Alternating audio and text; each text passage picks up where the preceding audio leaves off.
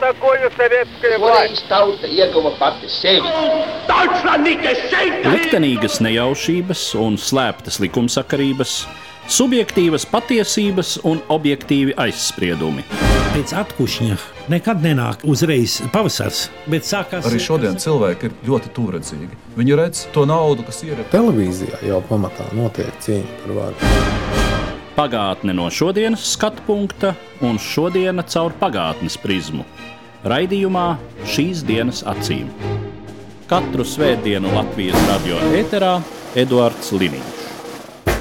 Labdien, cienījamie klausītāji! Vien dažas nedēļas mūs šķir no brīža, kad atzīmēsim Latvijas Republikas saimas simtgadi. Ievēlēta 1922. gada 7. un 8. oktobrī, pirmā saima pulcējās savai pirmajai sēdēji 1922. gada 7. novembrī. Šodien piedāvāju jums ielūkoties saimas darbībā pirms gadsimta, ieklausoties dažās runās, kas izskanēja no saimas tribīnes tās pirmajā darbības posmā, kā arī dažos viedokļos par šo Latvijas parlamentārisma laiku. Vispirms vērtējums starpkaru perioda saimas darbībai, kuru savulaik raidījumā šīs dienas acīm izteica tiesību zinātnieki Aivars Enziņš un Jānis Pleps.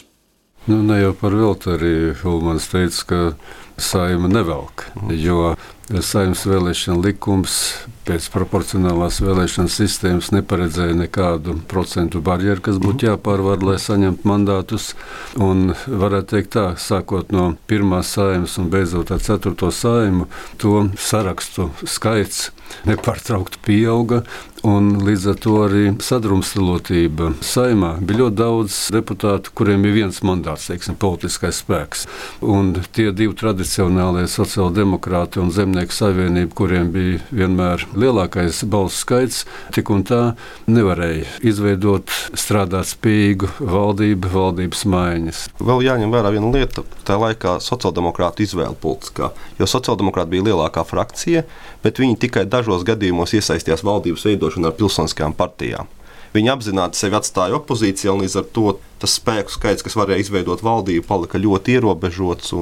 Tādā gadījumā bija tiešām spiests tur gandrīz, vai kā mēs skatāmies atmiņās, gan Cielēnam, gan Klīvem, ka tur bija spiesti iet maksāt vai nu solīt amatus atsevišķiem deputātiem, lai viņi balsotu par vai pret valdību. Un tad šie deputāti diezgan brīvi arī noteica valdības likteņus. Nu, bet arī, bet tāpat laikā, ja pirmā saimā sociāldemokrātiem bija lielākā frakcija, uh -huh. nākošā bija Zemnieku savienība, būtībā šīs divas partijas saglabāja savu lielāko deputātu skaitu visu laiku, bet ar tendenci uz katrām vēlēšanām samazinājās gan sociāldemokrāta pārstāvniecība, gan arī Zemnieku savienības pārstāvniecība. Kaut gan saglabājot, protams, lielāko mandātu skaitu.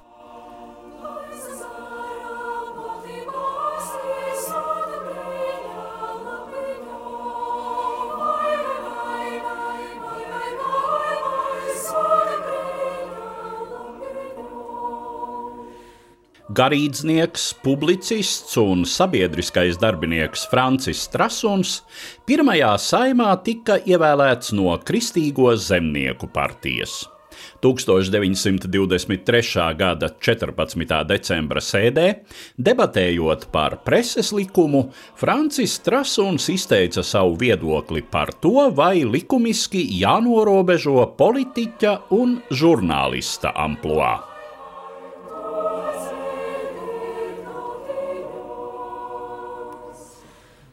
Mani kungi, mēs strīdamies par to, vai deputātam ir tiesība būt par redaktoru, vai tādas tiesības nav.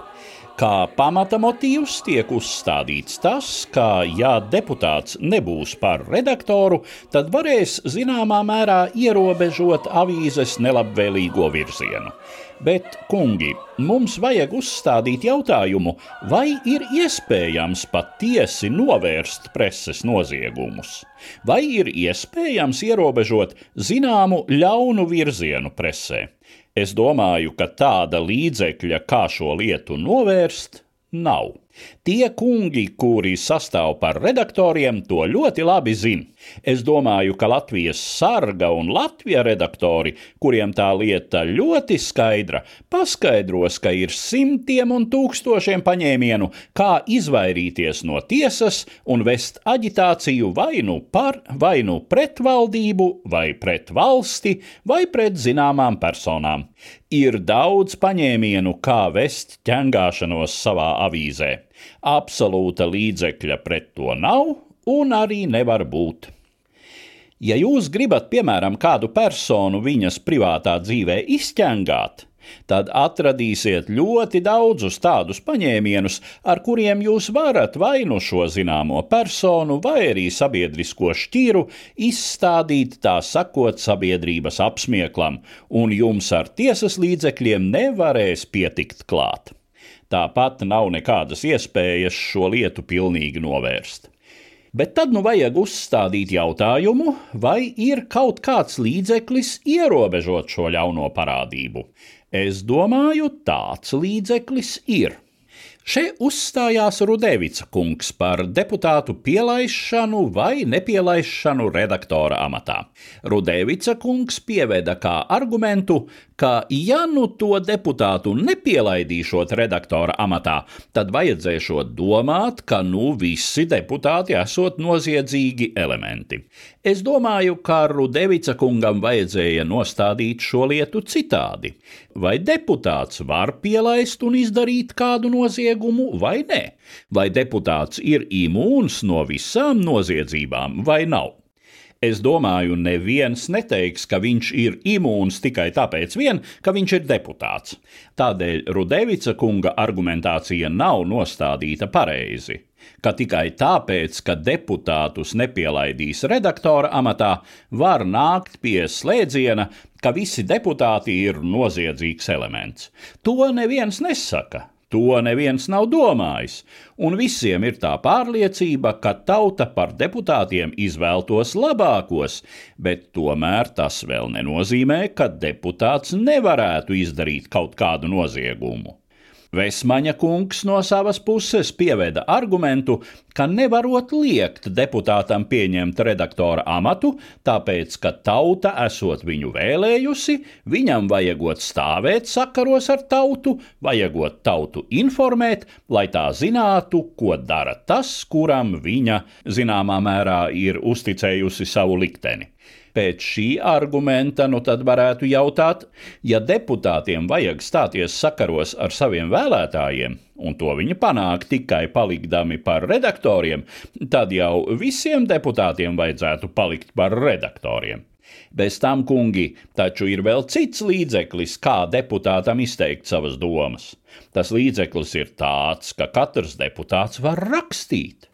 Protams, var būt gadījums, kad viena, otra, trešā un ceturtā avīze ar zināmu virzienu nepieņems deputāta rakstu. Sevišķi pie mums tas jau tā ir ieviesies. Senāk, kur mums bija mazāk demokrātisma un mazāk liberālisma presē, tomēr, ja vajadzēja noskaidrot un atspēkot kādam taisītos pārmetumus, tad vienkārši piesūtīja preses orgānam rakstu nodrukāšanai, un tas to pieņēma aiz objektīvisma principā.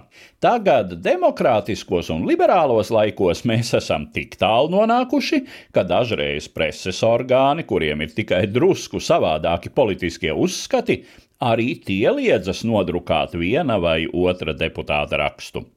Tomēr, kungi, atradīsies kāda avīze, kur deputāts varēs izteikt savas domas. Tā tad ir citi līdzekļi, ar kuru palīdzību deputāts var stāties sakarā ar saviem vēlētājiem caur preses orgānu. Nu, paliek vēl tā sakot, vai deputāta tiesības caur to netiek ierobežotas, ka viņam tiek ņemta tiesība būt par redaktoru. Tur, kungi, nav nekādu šaubu, ka tas ir ļoti liels ierobežojums. Es pateikšu gluži atklāti, ka šis ierobežojums nebūtu vajadzīgs, ja mēs stāvētu uz zināmiem ētikas pamatiem. Es runāju par presi. Ja mums būtu zināmi kultūrāli paņēmieni presē, tad šis ierobežojums nebūtu nekādā ziņā vajadzīgs. Bet, kad kungi tā nav, tad man liekas, ka viņš ir nepieciešams. Jo tomēr, lai gan mēs visā visumā nespēsim novērst zināmas ļaunas tendences presē, ierobežot mēs viņas spēsim. Ir kungi ļoti liela starpība starp redaktoru, kurš zināmam preses orgānam dod zināmu virzienu un pastāvīgu virzienu, un kurš šo virzienu var ieturēt katru dienu, un ir liela starpība starp atsevišķas personas rakstiem, kurus viņš var iesūtīt šādam vai tādam preses orgānam. Atsevišķos gadījumos katrs, kurš var uzrakstīt noziedzīgu artiķeli, var tikt saukts pie atbildības, bet tie būs atsevišķi gadījumi. Turpretim, kad cilvēkam piemīt ļauna tendence un kad viņš ir redaktors, un viņš katru dienu mēģinās ieturēt šo ļauno virzienu, Arī viņu varēs saukt pie tiesas atbildības, bet to taču nedarīs katru dienu. Arī tiesa prasa zināmu laiku. Tā tad liela starpība starp redaktoru un starp to, kas iesūta zināmu artiķeli. Tāpēc mūsu frakcija uzturēs pārlabojumu, ka deputāti nebūtu pielaižami kā redaktori. Vai, vai, vai!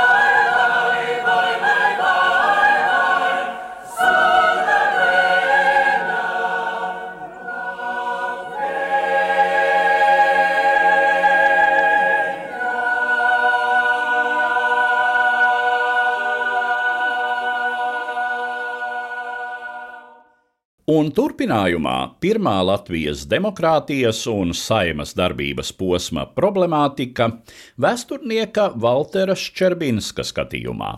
Paņemsim Rīgas strādnieks. Rīgas strādnieks, tā ģimenes galva ir strādā rūpnīcā. Parasti sieva ir mājasaimniece, kaut kāds bērnu bariņš. Ir skaidrs, ka šo cilvēku šīs sociāli politiskās intereses ir saistītas ar kaut kādu strādniecības programmu, vai, teiksim, zemnieki. Arī zemnieki savukārt dalījās. Teiksim, bija vecsaimnieki, kas bija iegūši zemi jau agrāk, vai arī jaunsaimnieki, kas ieguva zemi agrārās reformas rezultātā. Arī šo divu grupu intereses atšķīrās, un mēs redzam, politiskajās cīņās šīs intereses nebūtu nepārklājās bieži. Pilsētu ierēdniecība, ierēģi, kas bija tiešā veidā atkarīgi no valsts politikas kāda būs pašvaldība politika, kāda būs valsts politika, vai tā samazinās ierēģiņu skaitu, vai palielinās algas, vai samazinās un tā tālāk. Etniskās grupas vēl viens jautājums. Tik tiešām mūsdienās šīs robežas šķirtnes starp dažādām etniskām grupām izzūd, un Latvijā mēs arvien vairāk un vairāk sākam domāt, ka iespējams kaut kad nākotnē izveidosies šī latviešu nācija, kuras locekļi runā gan latviešu, gan arī krievu valodā runājoši latvieši.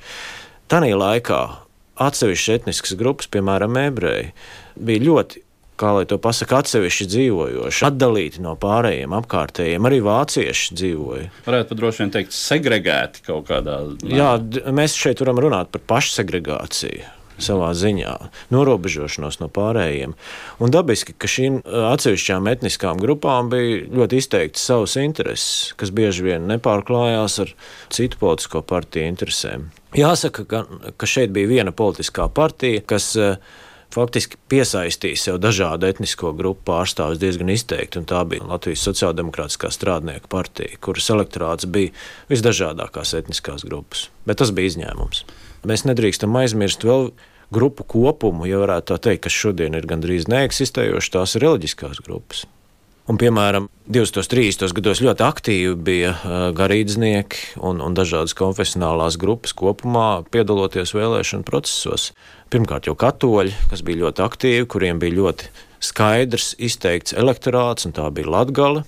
Un notika ļoti sīva cīņa Latvijā starp latviešu partijām. Vēl viens grupējums ir reģionālās partijas, Latvijas partijas. Daudz izteiktākas, es teiktu, jā, nekā šodien. Jā, bet arī konfesionālās, un arī e, balstoties uz šiem konfesionāliem principiem, teiksim, bija pareizticīgo vesticībnieku vēlēšana grupas.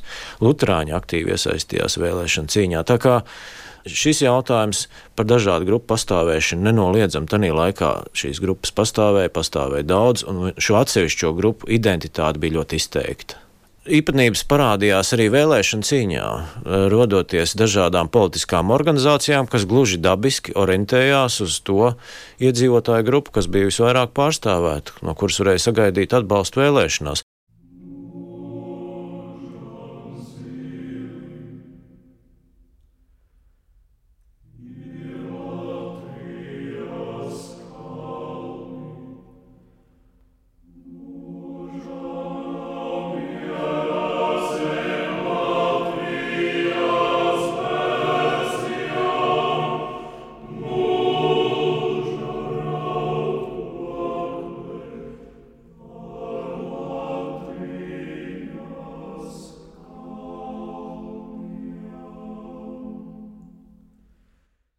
Arī starpkaru Latvijā pastāvošās latviešu nācijas un minoritāšu integrācijas problēmas atspoguļojās saimas debatēs. To spilgti apliecina runa, ar kuru no 4. saimas tribīnes 1931. gada 4. decembrī uzstājās deputāts no Demokrātiskā centra partijas rakstnieks Kārlis Skalbe.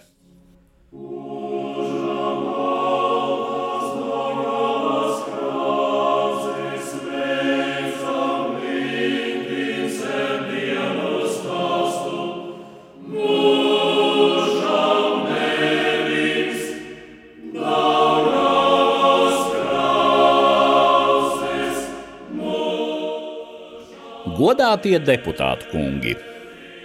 Katru mūsu aizrādījumu minoritātēm, lai viņas būtu uzmanīgākas un vairāk ievērotu mūsu valodu un kultūru, iztulko tā, it kā mēs gribētu minoritātēm aizbāzt muti. Šādam apgalvojumam nav ne mazākā pamata. Mums nav nekādas neiecietības. Mēs cienījam katru valodu un kultūru. Mēs cienījām dzējas darbus, ko devuši krievu un vācu dzēnieki. Mēs cienījām tās lielās kultūras vērtības, ko devušas tautas ar pasaules slāvu. Bet, kungi, nevajag aizmirst, ka te ir Latvija. Aiz cienības pret mūsu tautu un valodu, mūsu minoritātēm šeit, likumdošanas iestādē, vajadzētu nākt pretim arī mums. To prasa mūsu pašcieņa. Man liekas, arī minoritātes varētu skatīties uz Latviju kā uz savu valsti, un aiz cienības pret to viņas varētu ievērot mūsu prasības. Latvija minoritātēm nav nekāda pamāte. Viņa tām ir devusi plašas kultūras autonomijas tiesības, bet mani kungi, ja jūs prasāt, lai mēs esam lojāli, lai mēs atzīstam un sargājam jūsu kultūrālo autonomiju, tad man kā latvietim ir jāprasa, esiet lojāli pret mūsu valsts valodu un kultūru. Kungi, vieni jūs savas tiesības neaizsargāsiet. Tās būs drošas tikai tad, ja jūs atradīsiet atbalstu vairākuma tautībā. Bet, ja jūs no latviešu valodas un kultūras tīši novērsīsieties, tad mums nebūs nekādas vajadzības aizsargāt jūsu valodu, kultūru un skolu. Visur, kur jūs esat par sevi un kur jūs veidojat savu kultūru, varat to lietot.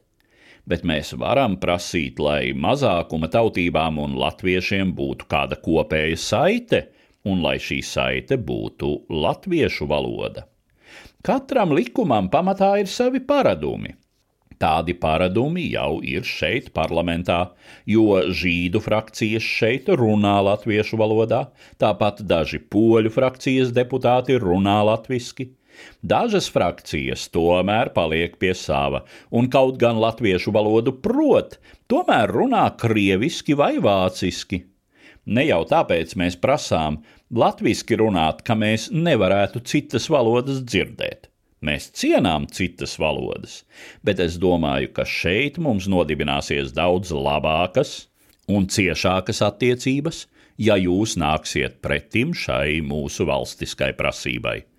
Tā ir mērena prasība, tā ir kultūrāla prasība, to ievēro visās zemēs, un visur minoritātes tai nāk pretim.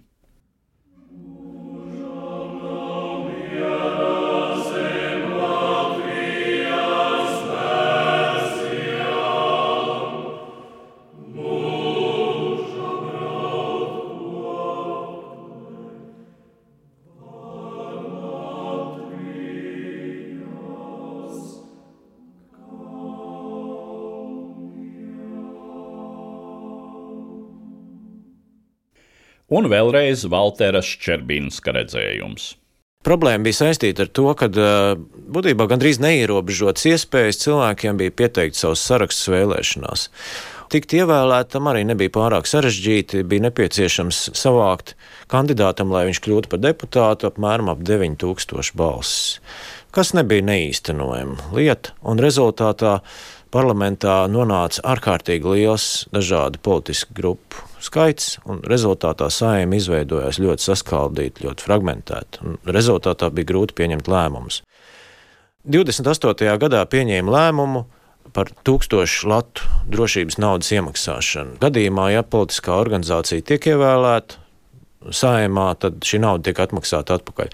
Un šāds solis, protams, kaut kādu daļu atbaidīja potenciālo deputātu amatu gribētāju, un rezultātā, ja 28. gadā vēl bija 141 saraksts, tad jau nākamajās saimnes vēlēšanās politisko organizāciju skaits kritās, ievērojami kritās. Tomēr, neraugoties uz šo soli, partiju skaits bija liels, un, piemēram, parlamentā katrās vēlēšanās iekļuva dažādas politiskas organizācijas, kurām bija visai neskaidra ideoloģija, jeb varbūt pat teiksim, tā ideoloģija bija nu, ļoti nosacīta partijas, kuras orientējās uz kaut kādu vienu jautājumu risināšanu. Piemēram, apkrāpto naudas noguldītāju apvienība, kura divās sēmās pēc kārtas dabūja savu pārstāvu iekšā, vienu pārstāvu. Šīs apvienības mērķis, protams, bija atgūt naudu, kas bija zaudēta banku krīzēs. Bet tajā pašā laikā rodās jautājums, šis jautājums jau ir tikai viena maza daļa no saimā izskatāmiem jautājumiem. Kāda būtu partijas nostāja citos jautājumos, 99% no visiem jautājumiem? Bet eh, katrā ziņā šādām mazām partijām ir savs elektorāts. Mazs, neliels, bet ir. Neapšaubām, ka ideoloģija ir svarīgs elements priekšvēlēšana cīņā, jo ideoloģiskā piedarība palīdz identificēt partiju. Ja mēs zinām, ka šī partija ir liberāla, vai konservatīva, vai sociāldemokrātiska, mēs pat nelasot programmu, varam apmēram iedomāties, kādas vērtības šī partija pārstāv. 20. un 30. gados šī ideoloģiskā piedarība neapšaubām bija ļoti izteikta vismaz daļai partiju. Jāsaka, ka gan visu 20. gadsimtu, tīpaši 20. gadsimta beigās, izmaiņas ideoloģijās ir notikušas ļoti strauji, un būtībā atsevišķi pētnieki pat runā par ideoloģiju beigām par to, ka pārveidojās, transformējās klasiskās ideoloģijas. Partijas mēģina faktiski orientēties šajā situācijā, bet 20. un 30. gados bija vairākas partijas, kuras ļoti konsekventi virzīja šo savu ideoloģiju. Pirmkārt, atkal šeit par konkrētiem piemēriem runājot, tā ir Sociāldemokrātiskā strādnieka partija. Tie ir Zemnieku savienība, kas faktiski mēģināja aizņemt šo konservatīvo nišu, šo liberālu, konservatīvo kaut kas pa vidu starp liberālu un konservatīvu. Tā bija izteikti konservatīvā Nacionālā apvienība un viņa priekšteči un pēcteči. Šī organizācija mainīja savus nosaukumus, un tās bija dažādas citas mazākas grupas, kas arī mēģināja kaut kur atrast savu nišu, izmantojot kaut kādu konkrētu ideoloģiju.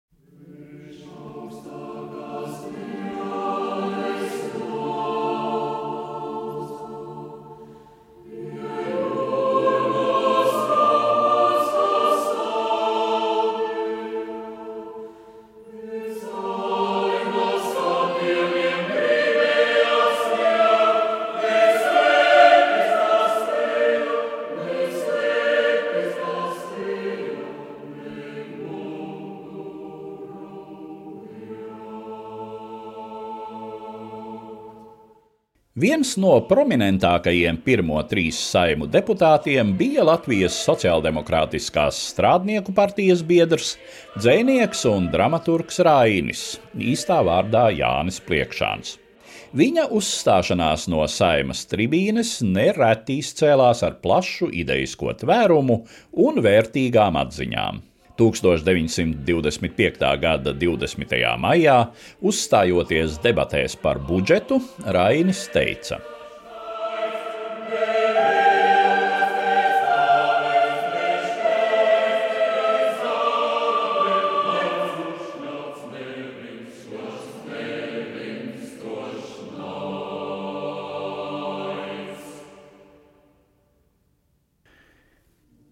Es gribētu runāt par mūsu garīgo dzīvi un par mūsu kultūru. Vai ir vērts tik daudz runāt par to kultūru, par kuru taču mēs īsti maz rūpējamies, ja kultūru ņemam tā, kā mēs to saprotam, jo mēs līdz šim kultūru uzskatījām parastā veidā, tā kā to uzskatām autokrātijas valstīs. Mēs esam demokrātijas valsts. Autokrātijās kultūra bija vajadzīga tik daudz, cik viņa deva ārējo spožumu priekš viņas eksistences. Te runājot par kultūru, piemin, cik viņa dārgi izmaksājot. Te tika teikts, ka vecā kultūra tagad tiekot galīgi noliegta. Runājot par viņas bankrotu, par viņas panīkšanu, un tie, kas to runājot, esot bolševiki.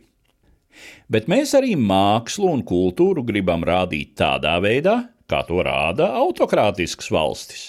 Vispirms mēs reprezentējamies ar rautiem, tad ar dinējām, tad ar operu, un laikam tas arī viss. Te jau tika aizrādīts, ka mākslas muzejus, kur ir reprezentēta arī mūsu kultūra, mēs nerādām. Tāds uzskats par kultūru kā ārējo spožumu piekrīt autokrātijai, ne demokrātijai. Demokrātijai ir kultūra nevis ārējs spožums, bet gan iekšēja būtība. Demokrātija mazās valstīs nav domājama bez kultūras un nav domājama bez kultūras tik tālu, ka demokrātija pēc savas pastāvēšanas prasa, lai iekšēja kultūra būtu katram viņas loceklim. Autokrātijai nav vajadzīgs, ka pavalstniekiem būtu kultūra. Viņus ne par velti sauc par pavalstniekiem, bet ne par pilsoņiem. Pavalstniekiem nav jābūt kultūrāliem, bet pilsoņiem ir jābūt kultūrāliem. Te ir tā pamata starpība starp autokrātiju un demokrātiju. Starpība vēl ir tā, ka autokrātijā viss atkarājas no vienas koncentrētas gribas. Tā ir absolūta. Viņa nepazīst pretrunas. Viņa ir kopota vienā personā, valdniekā, un šī persona dibinās uz varas izstarojumu, uz zināmas privileģētas šķīras, un tā savukārt dibinās uz karaspēka ārējo varu. Demokrātiju, sevišķi mazās valstīs, nevar dibināt uz ārējo varu. Vispirms demokrātija ir miers, autokrātija ir karš. Pretim autokrātijas absolūtai gribai, demokrātijā jāstāda likumības princips. Tas princips, ka katram pilsonim ir līdzīgas tiesības, un šo tiesību kopums ir suverēnā vara, augstākā vara. No tā izriet, ka demokrātijā likumībai vajag pāriet katra pilsoņa miesā un asinīs. Likumības atmosfērai vajag būt valdošai. Tā prasa zināmu ētiku, lai ētikas normas tiktu izpildītas. Viņa prasa, lai katrs pilsonis būtu patstāvīga personība par sevi, un šo patstāvīgo personību kopums, solidarizējoties, dotu augstāko varu. Tādi ir demokrātijas principi.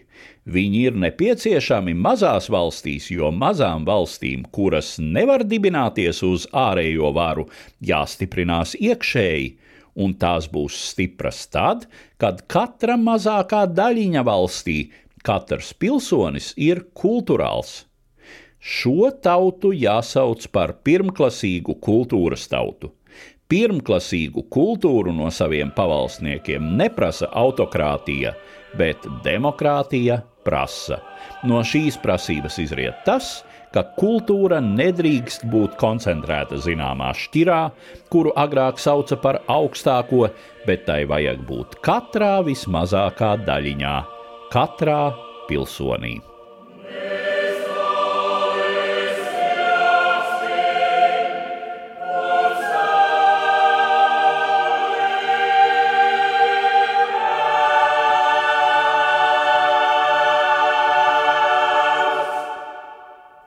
Līdz ar to izskan mūsu raidījums, kurā dzirdējāt tiesību zinātnieku Aivara Enziņa un Jāņa Plepa un vēsturnieka Valtera Ščerbinska viedokļus par saimas darbību pirmajā Latvijas demokrātijas posmā no 1922. līdz 1934. gadam.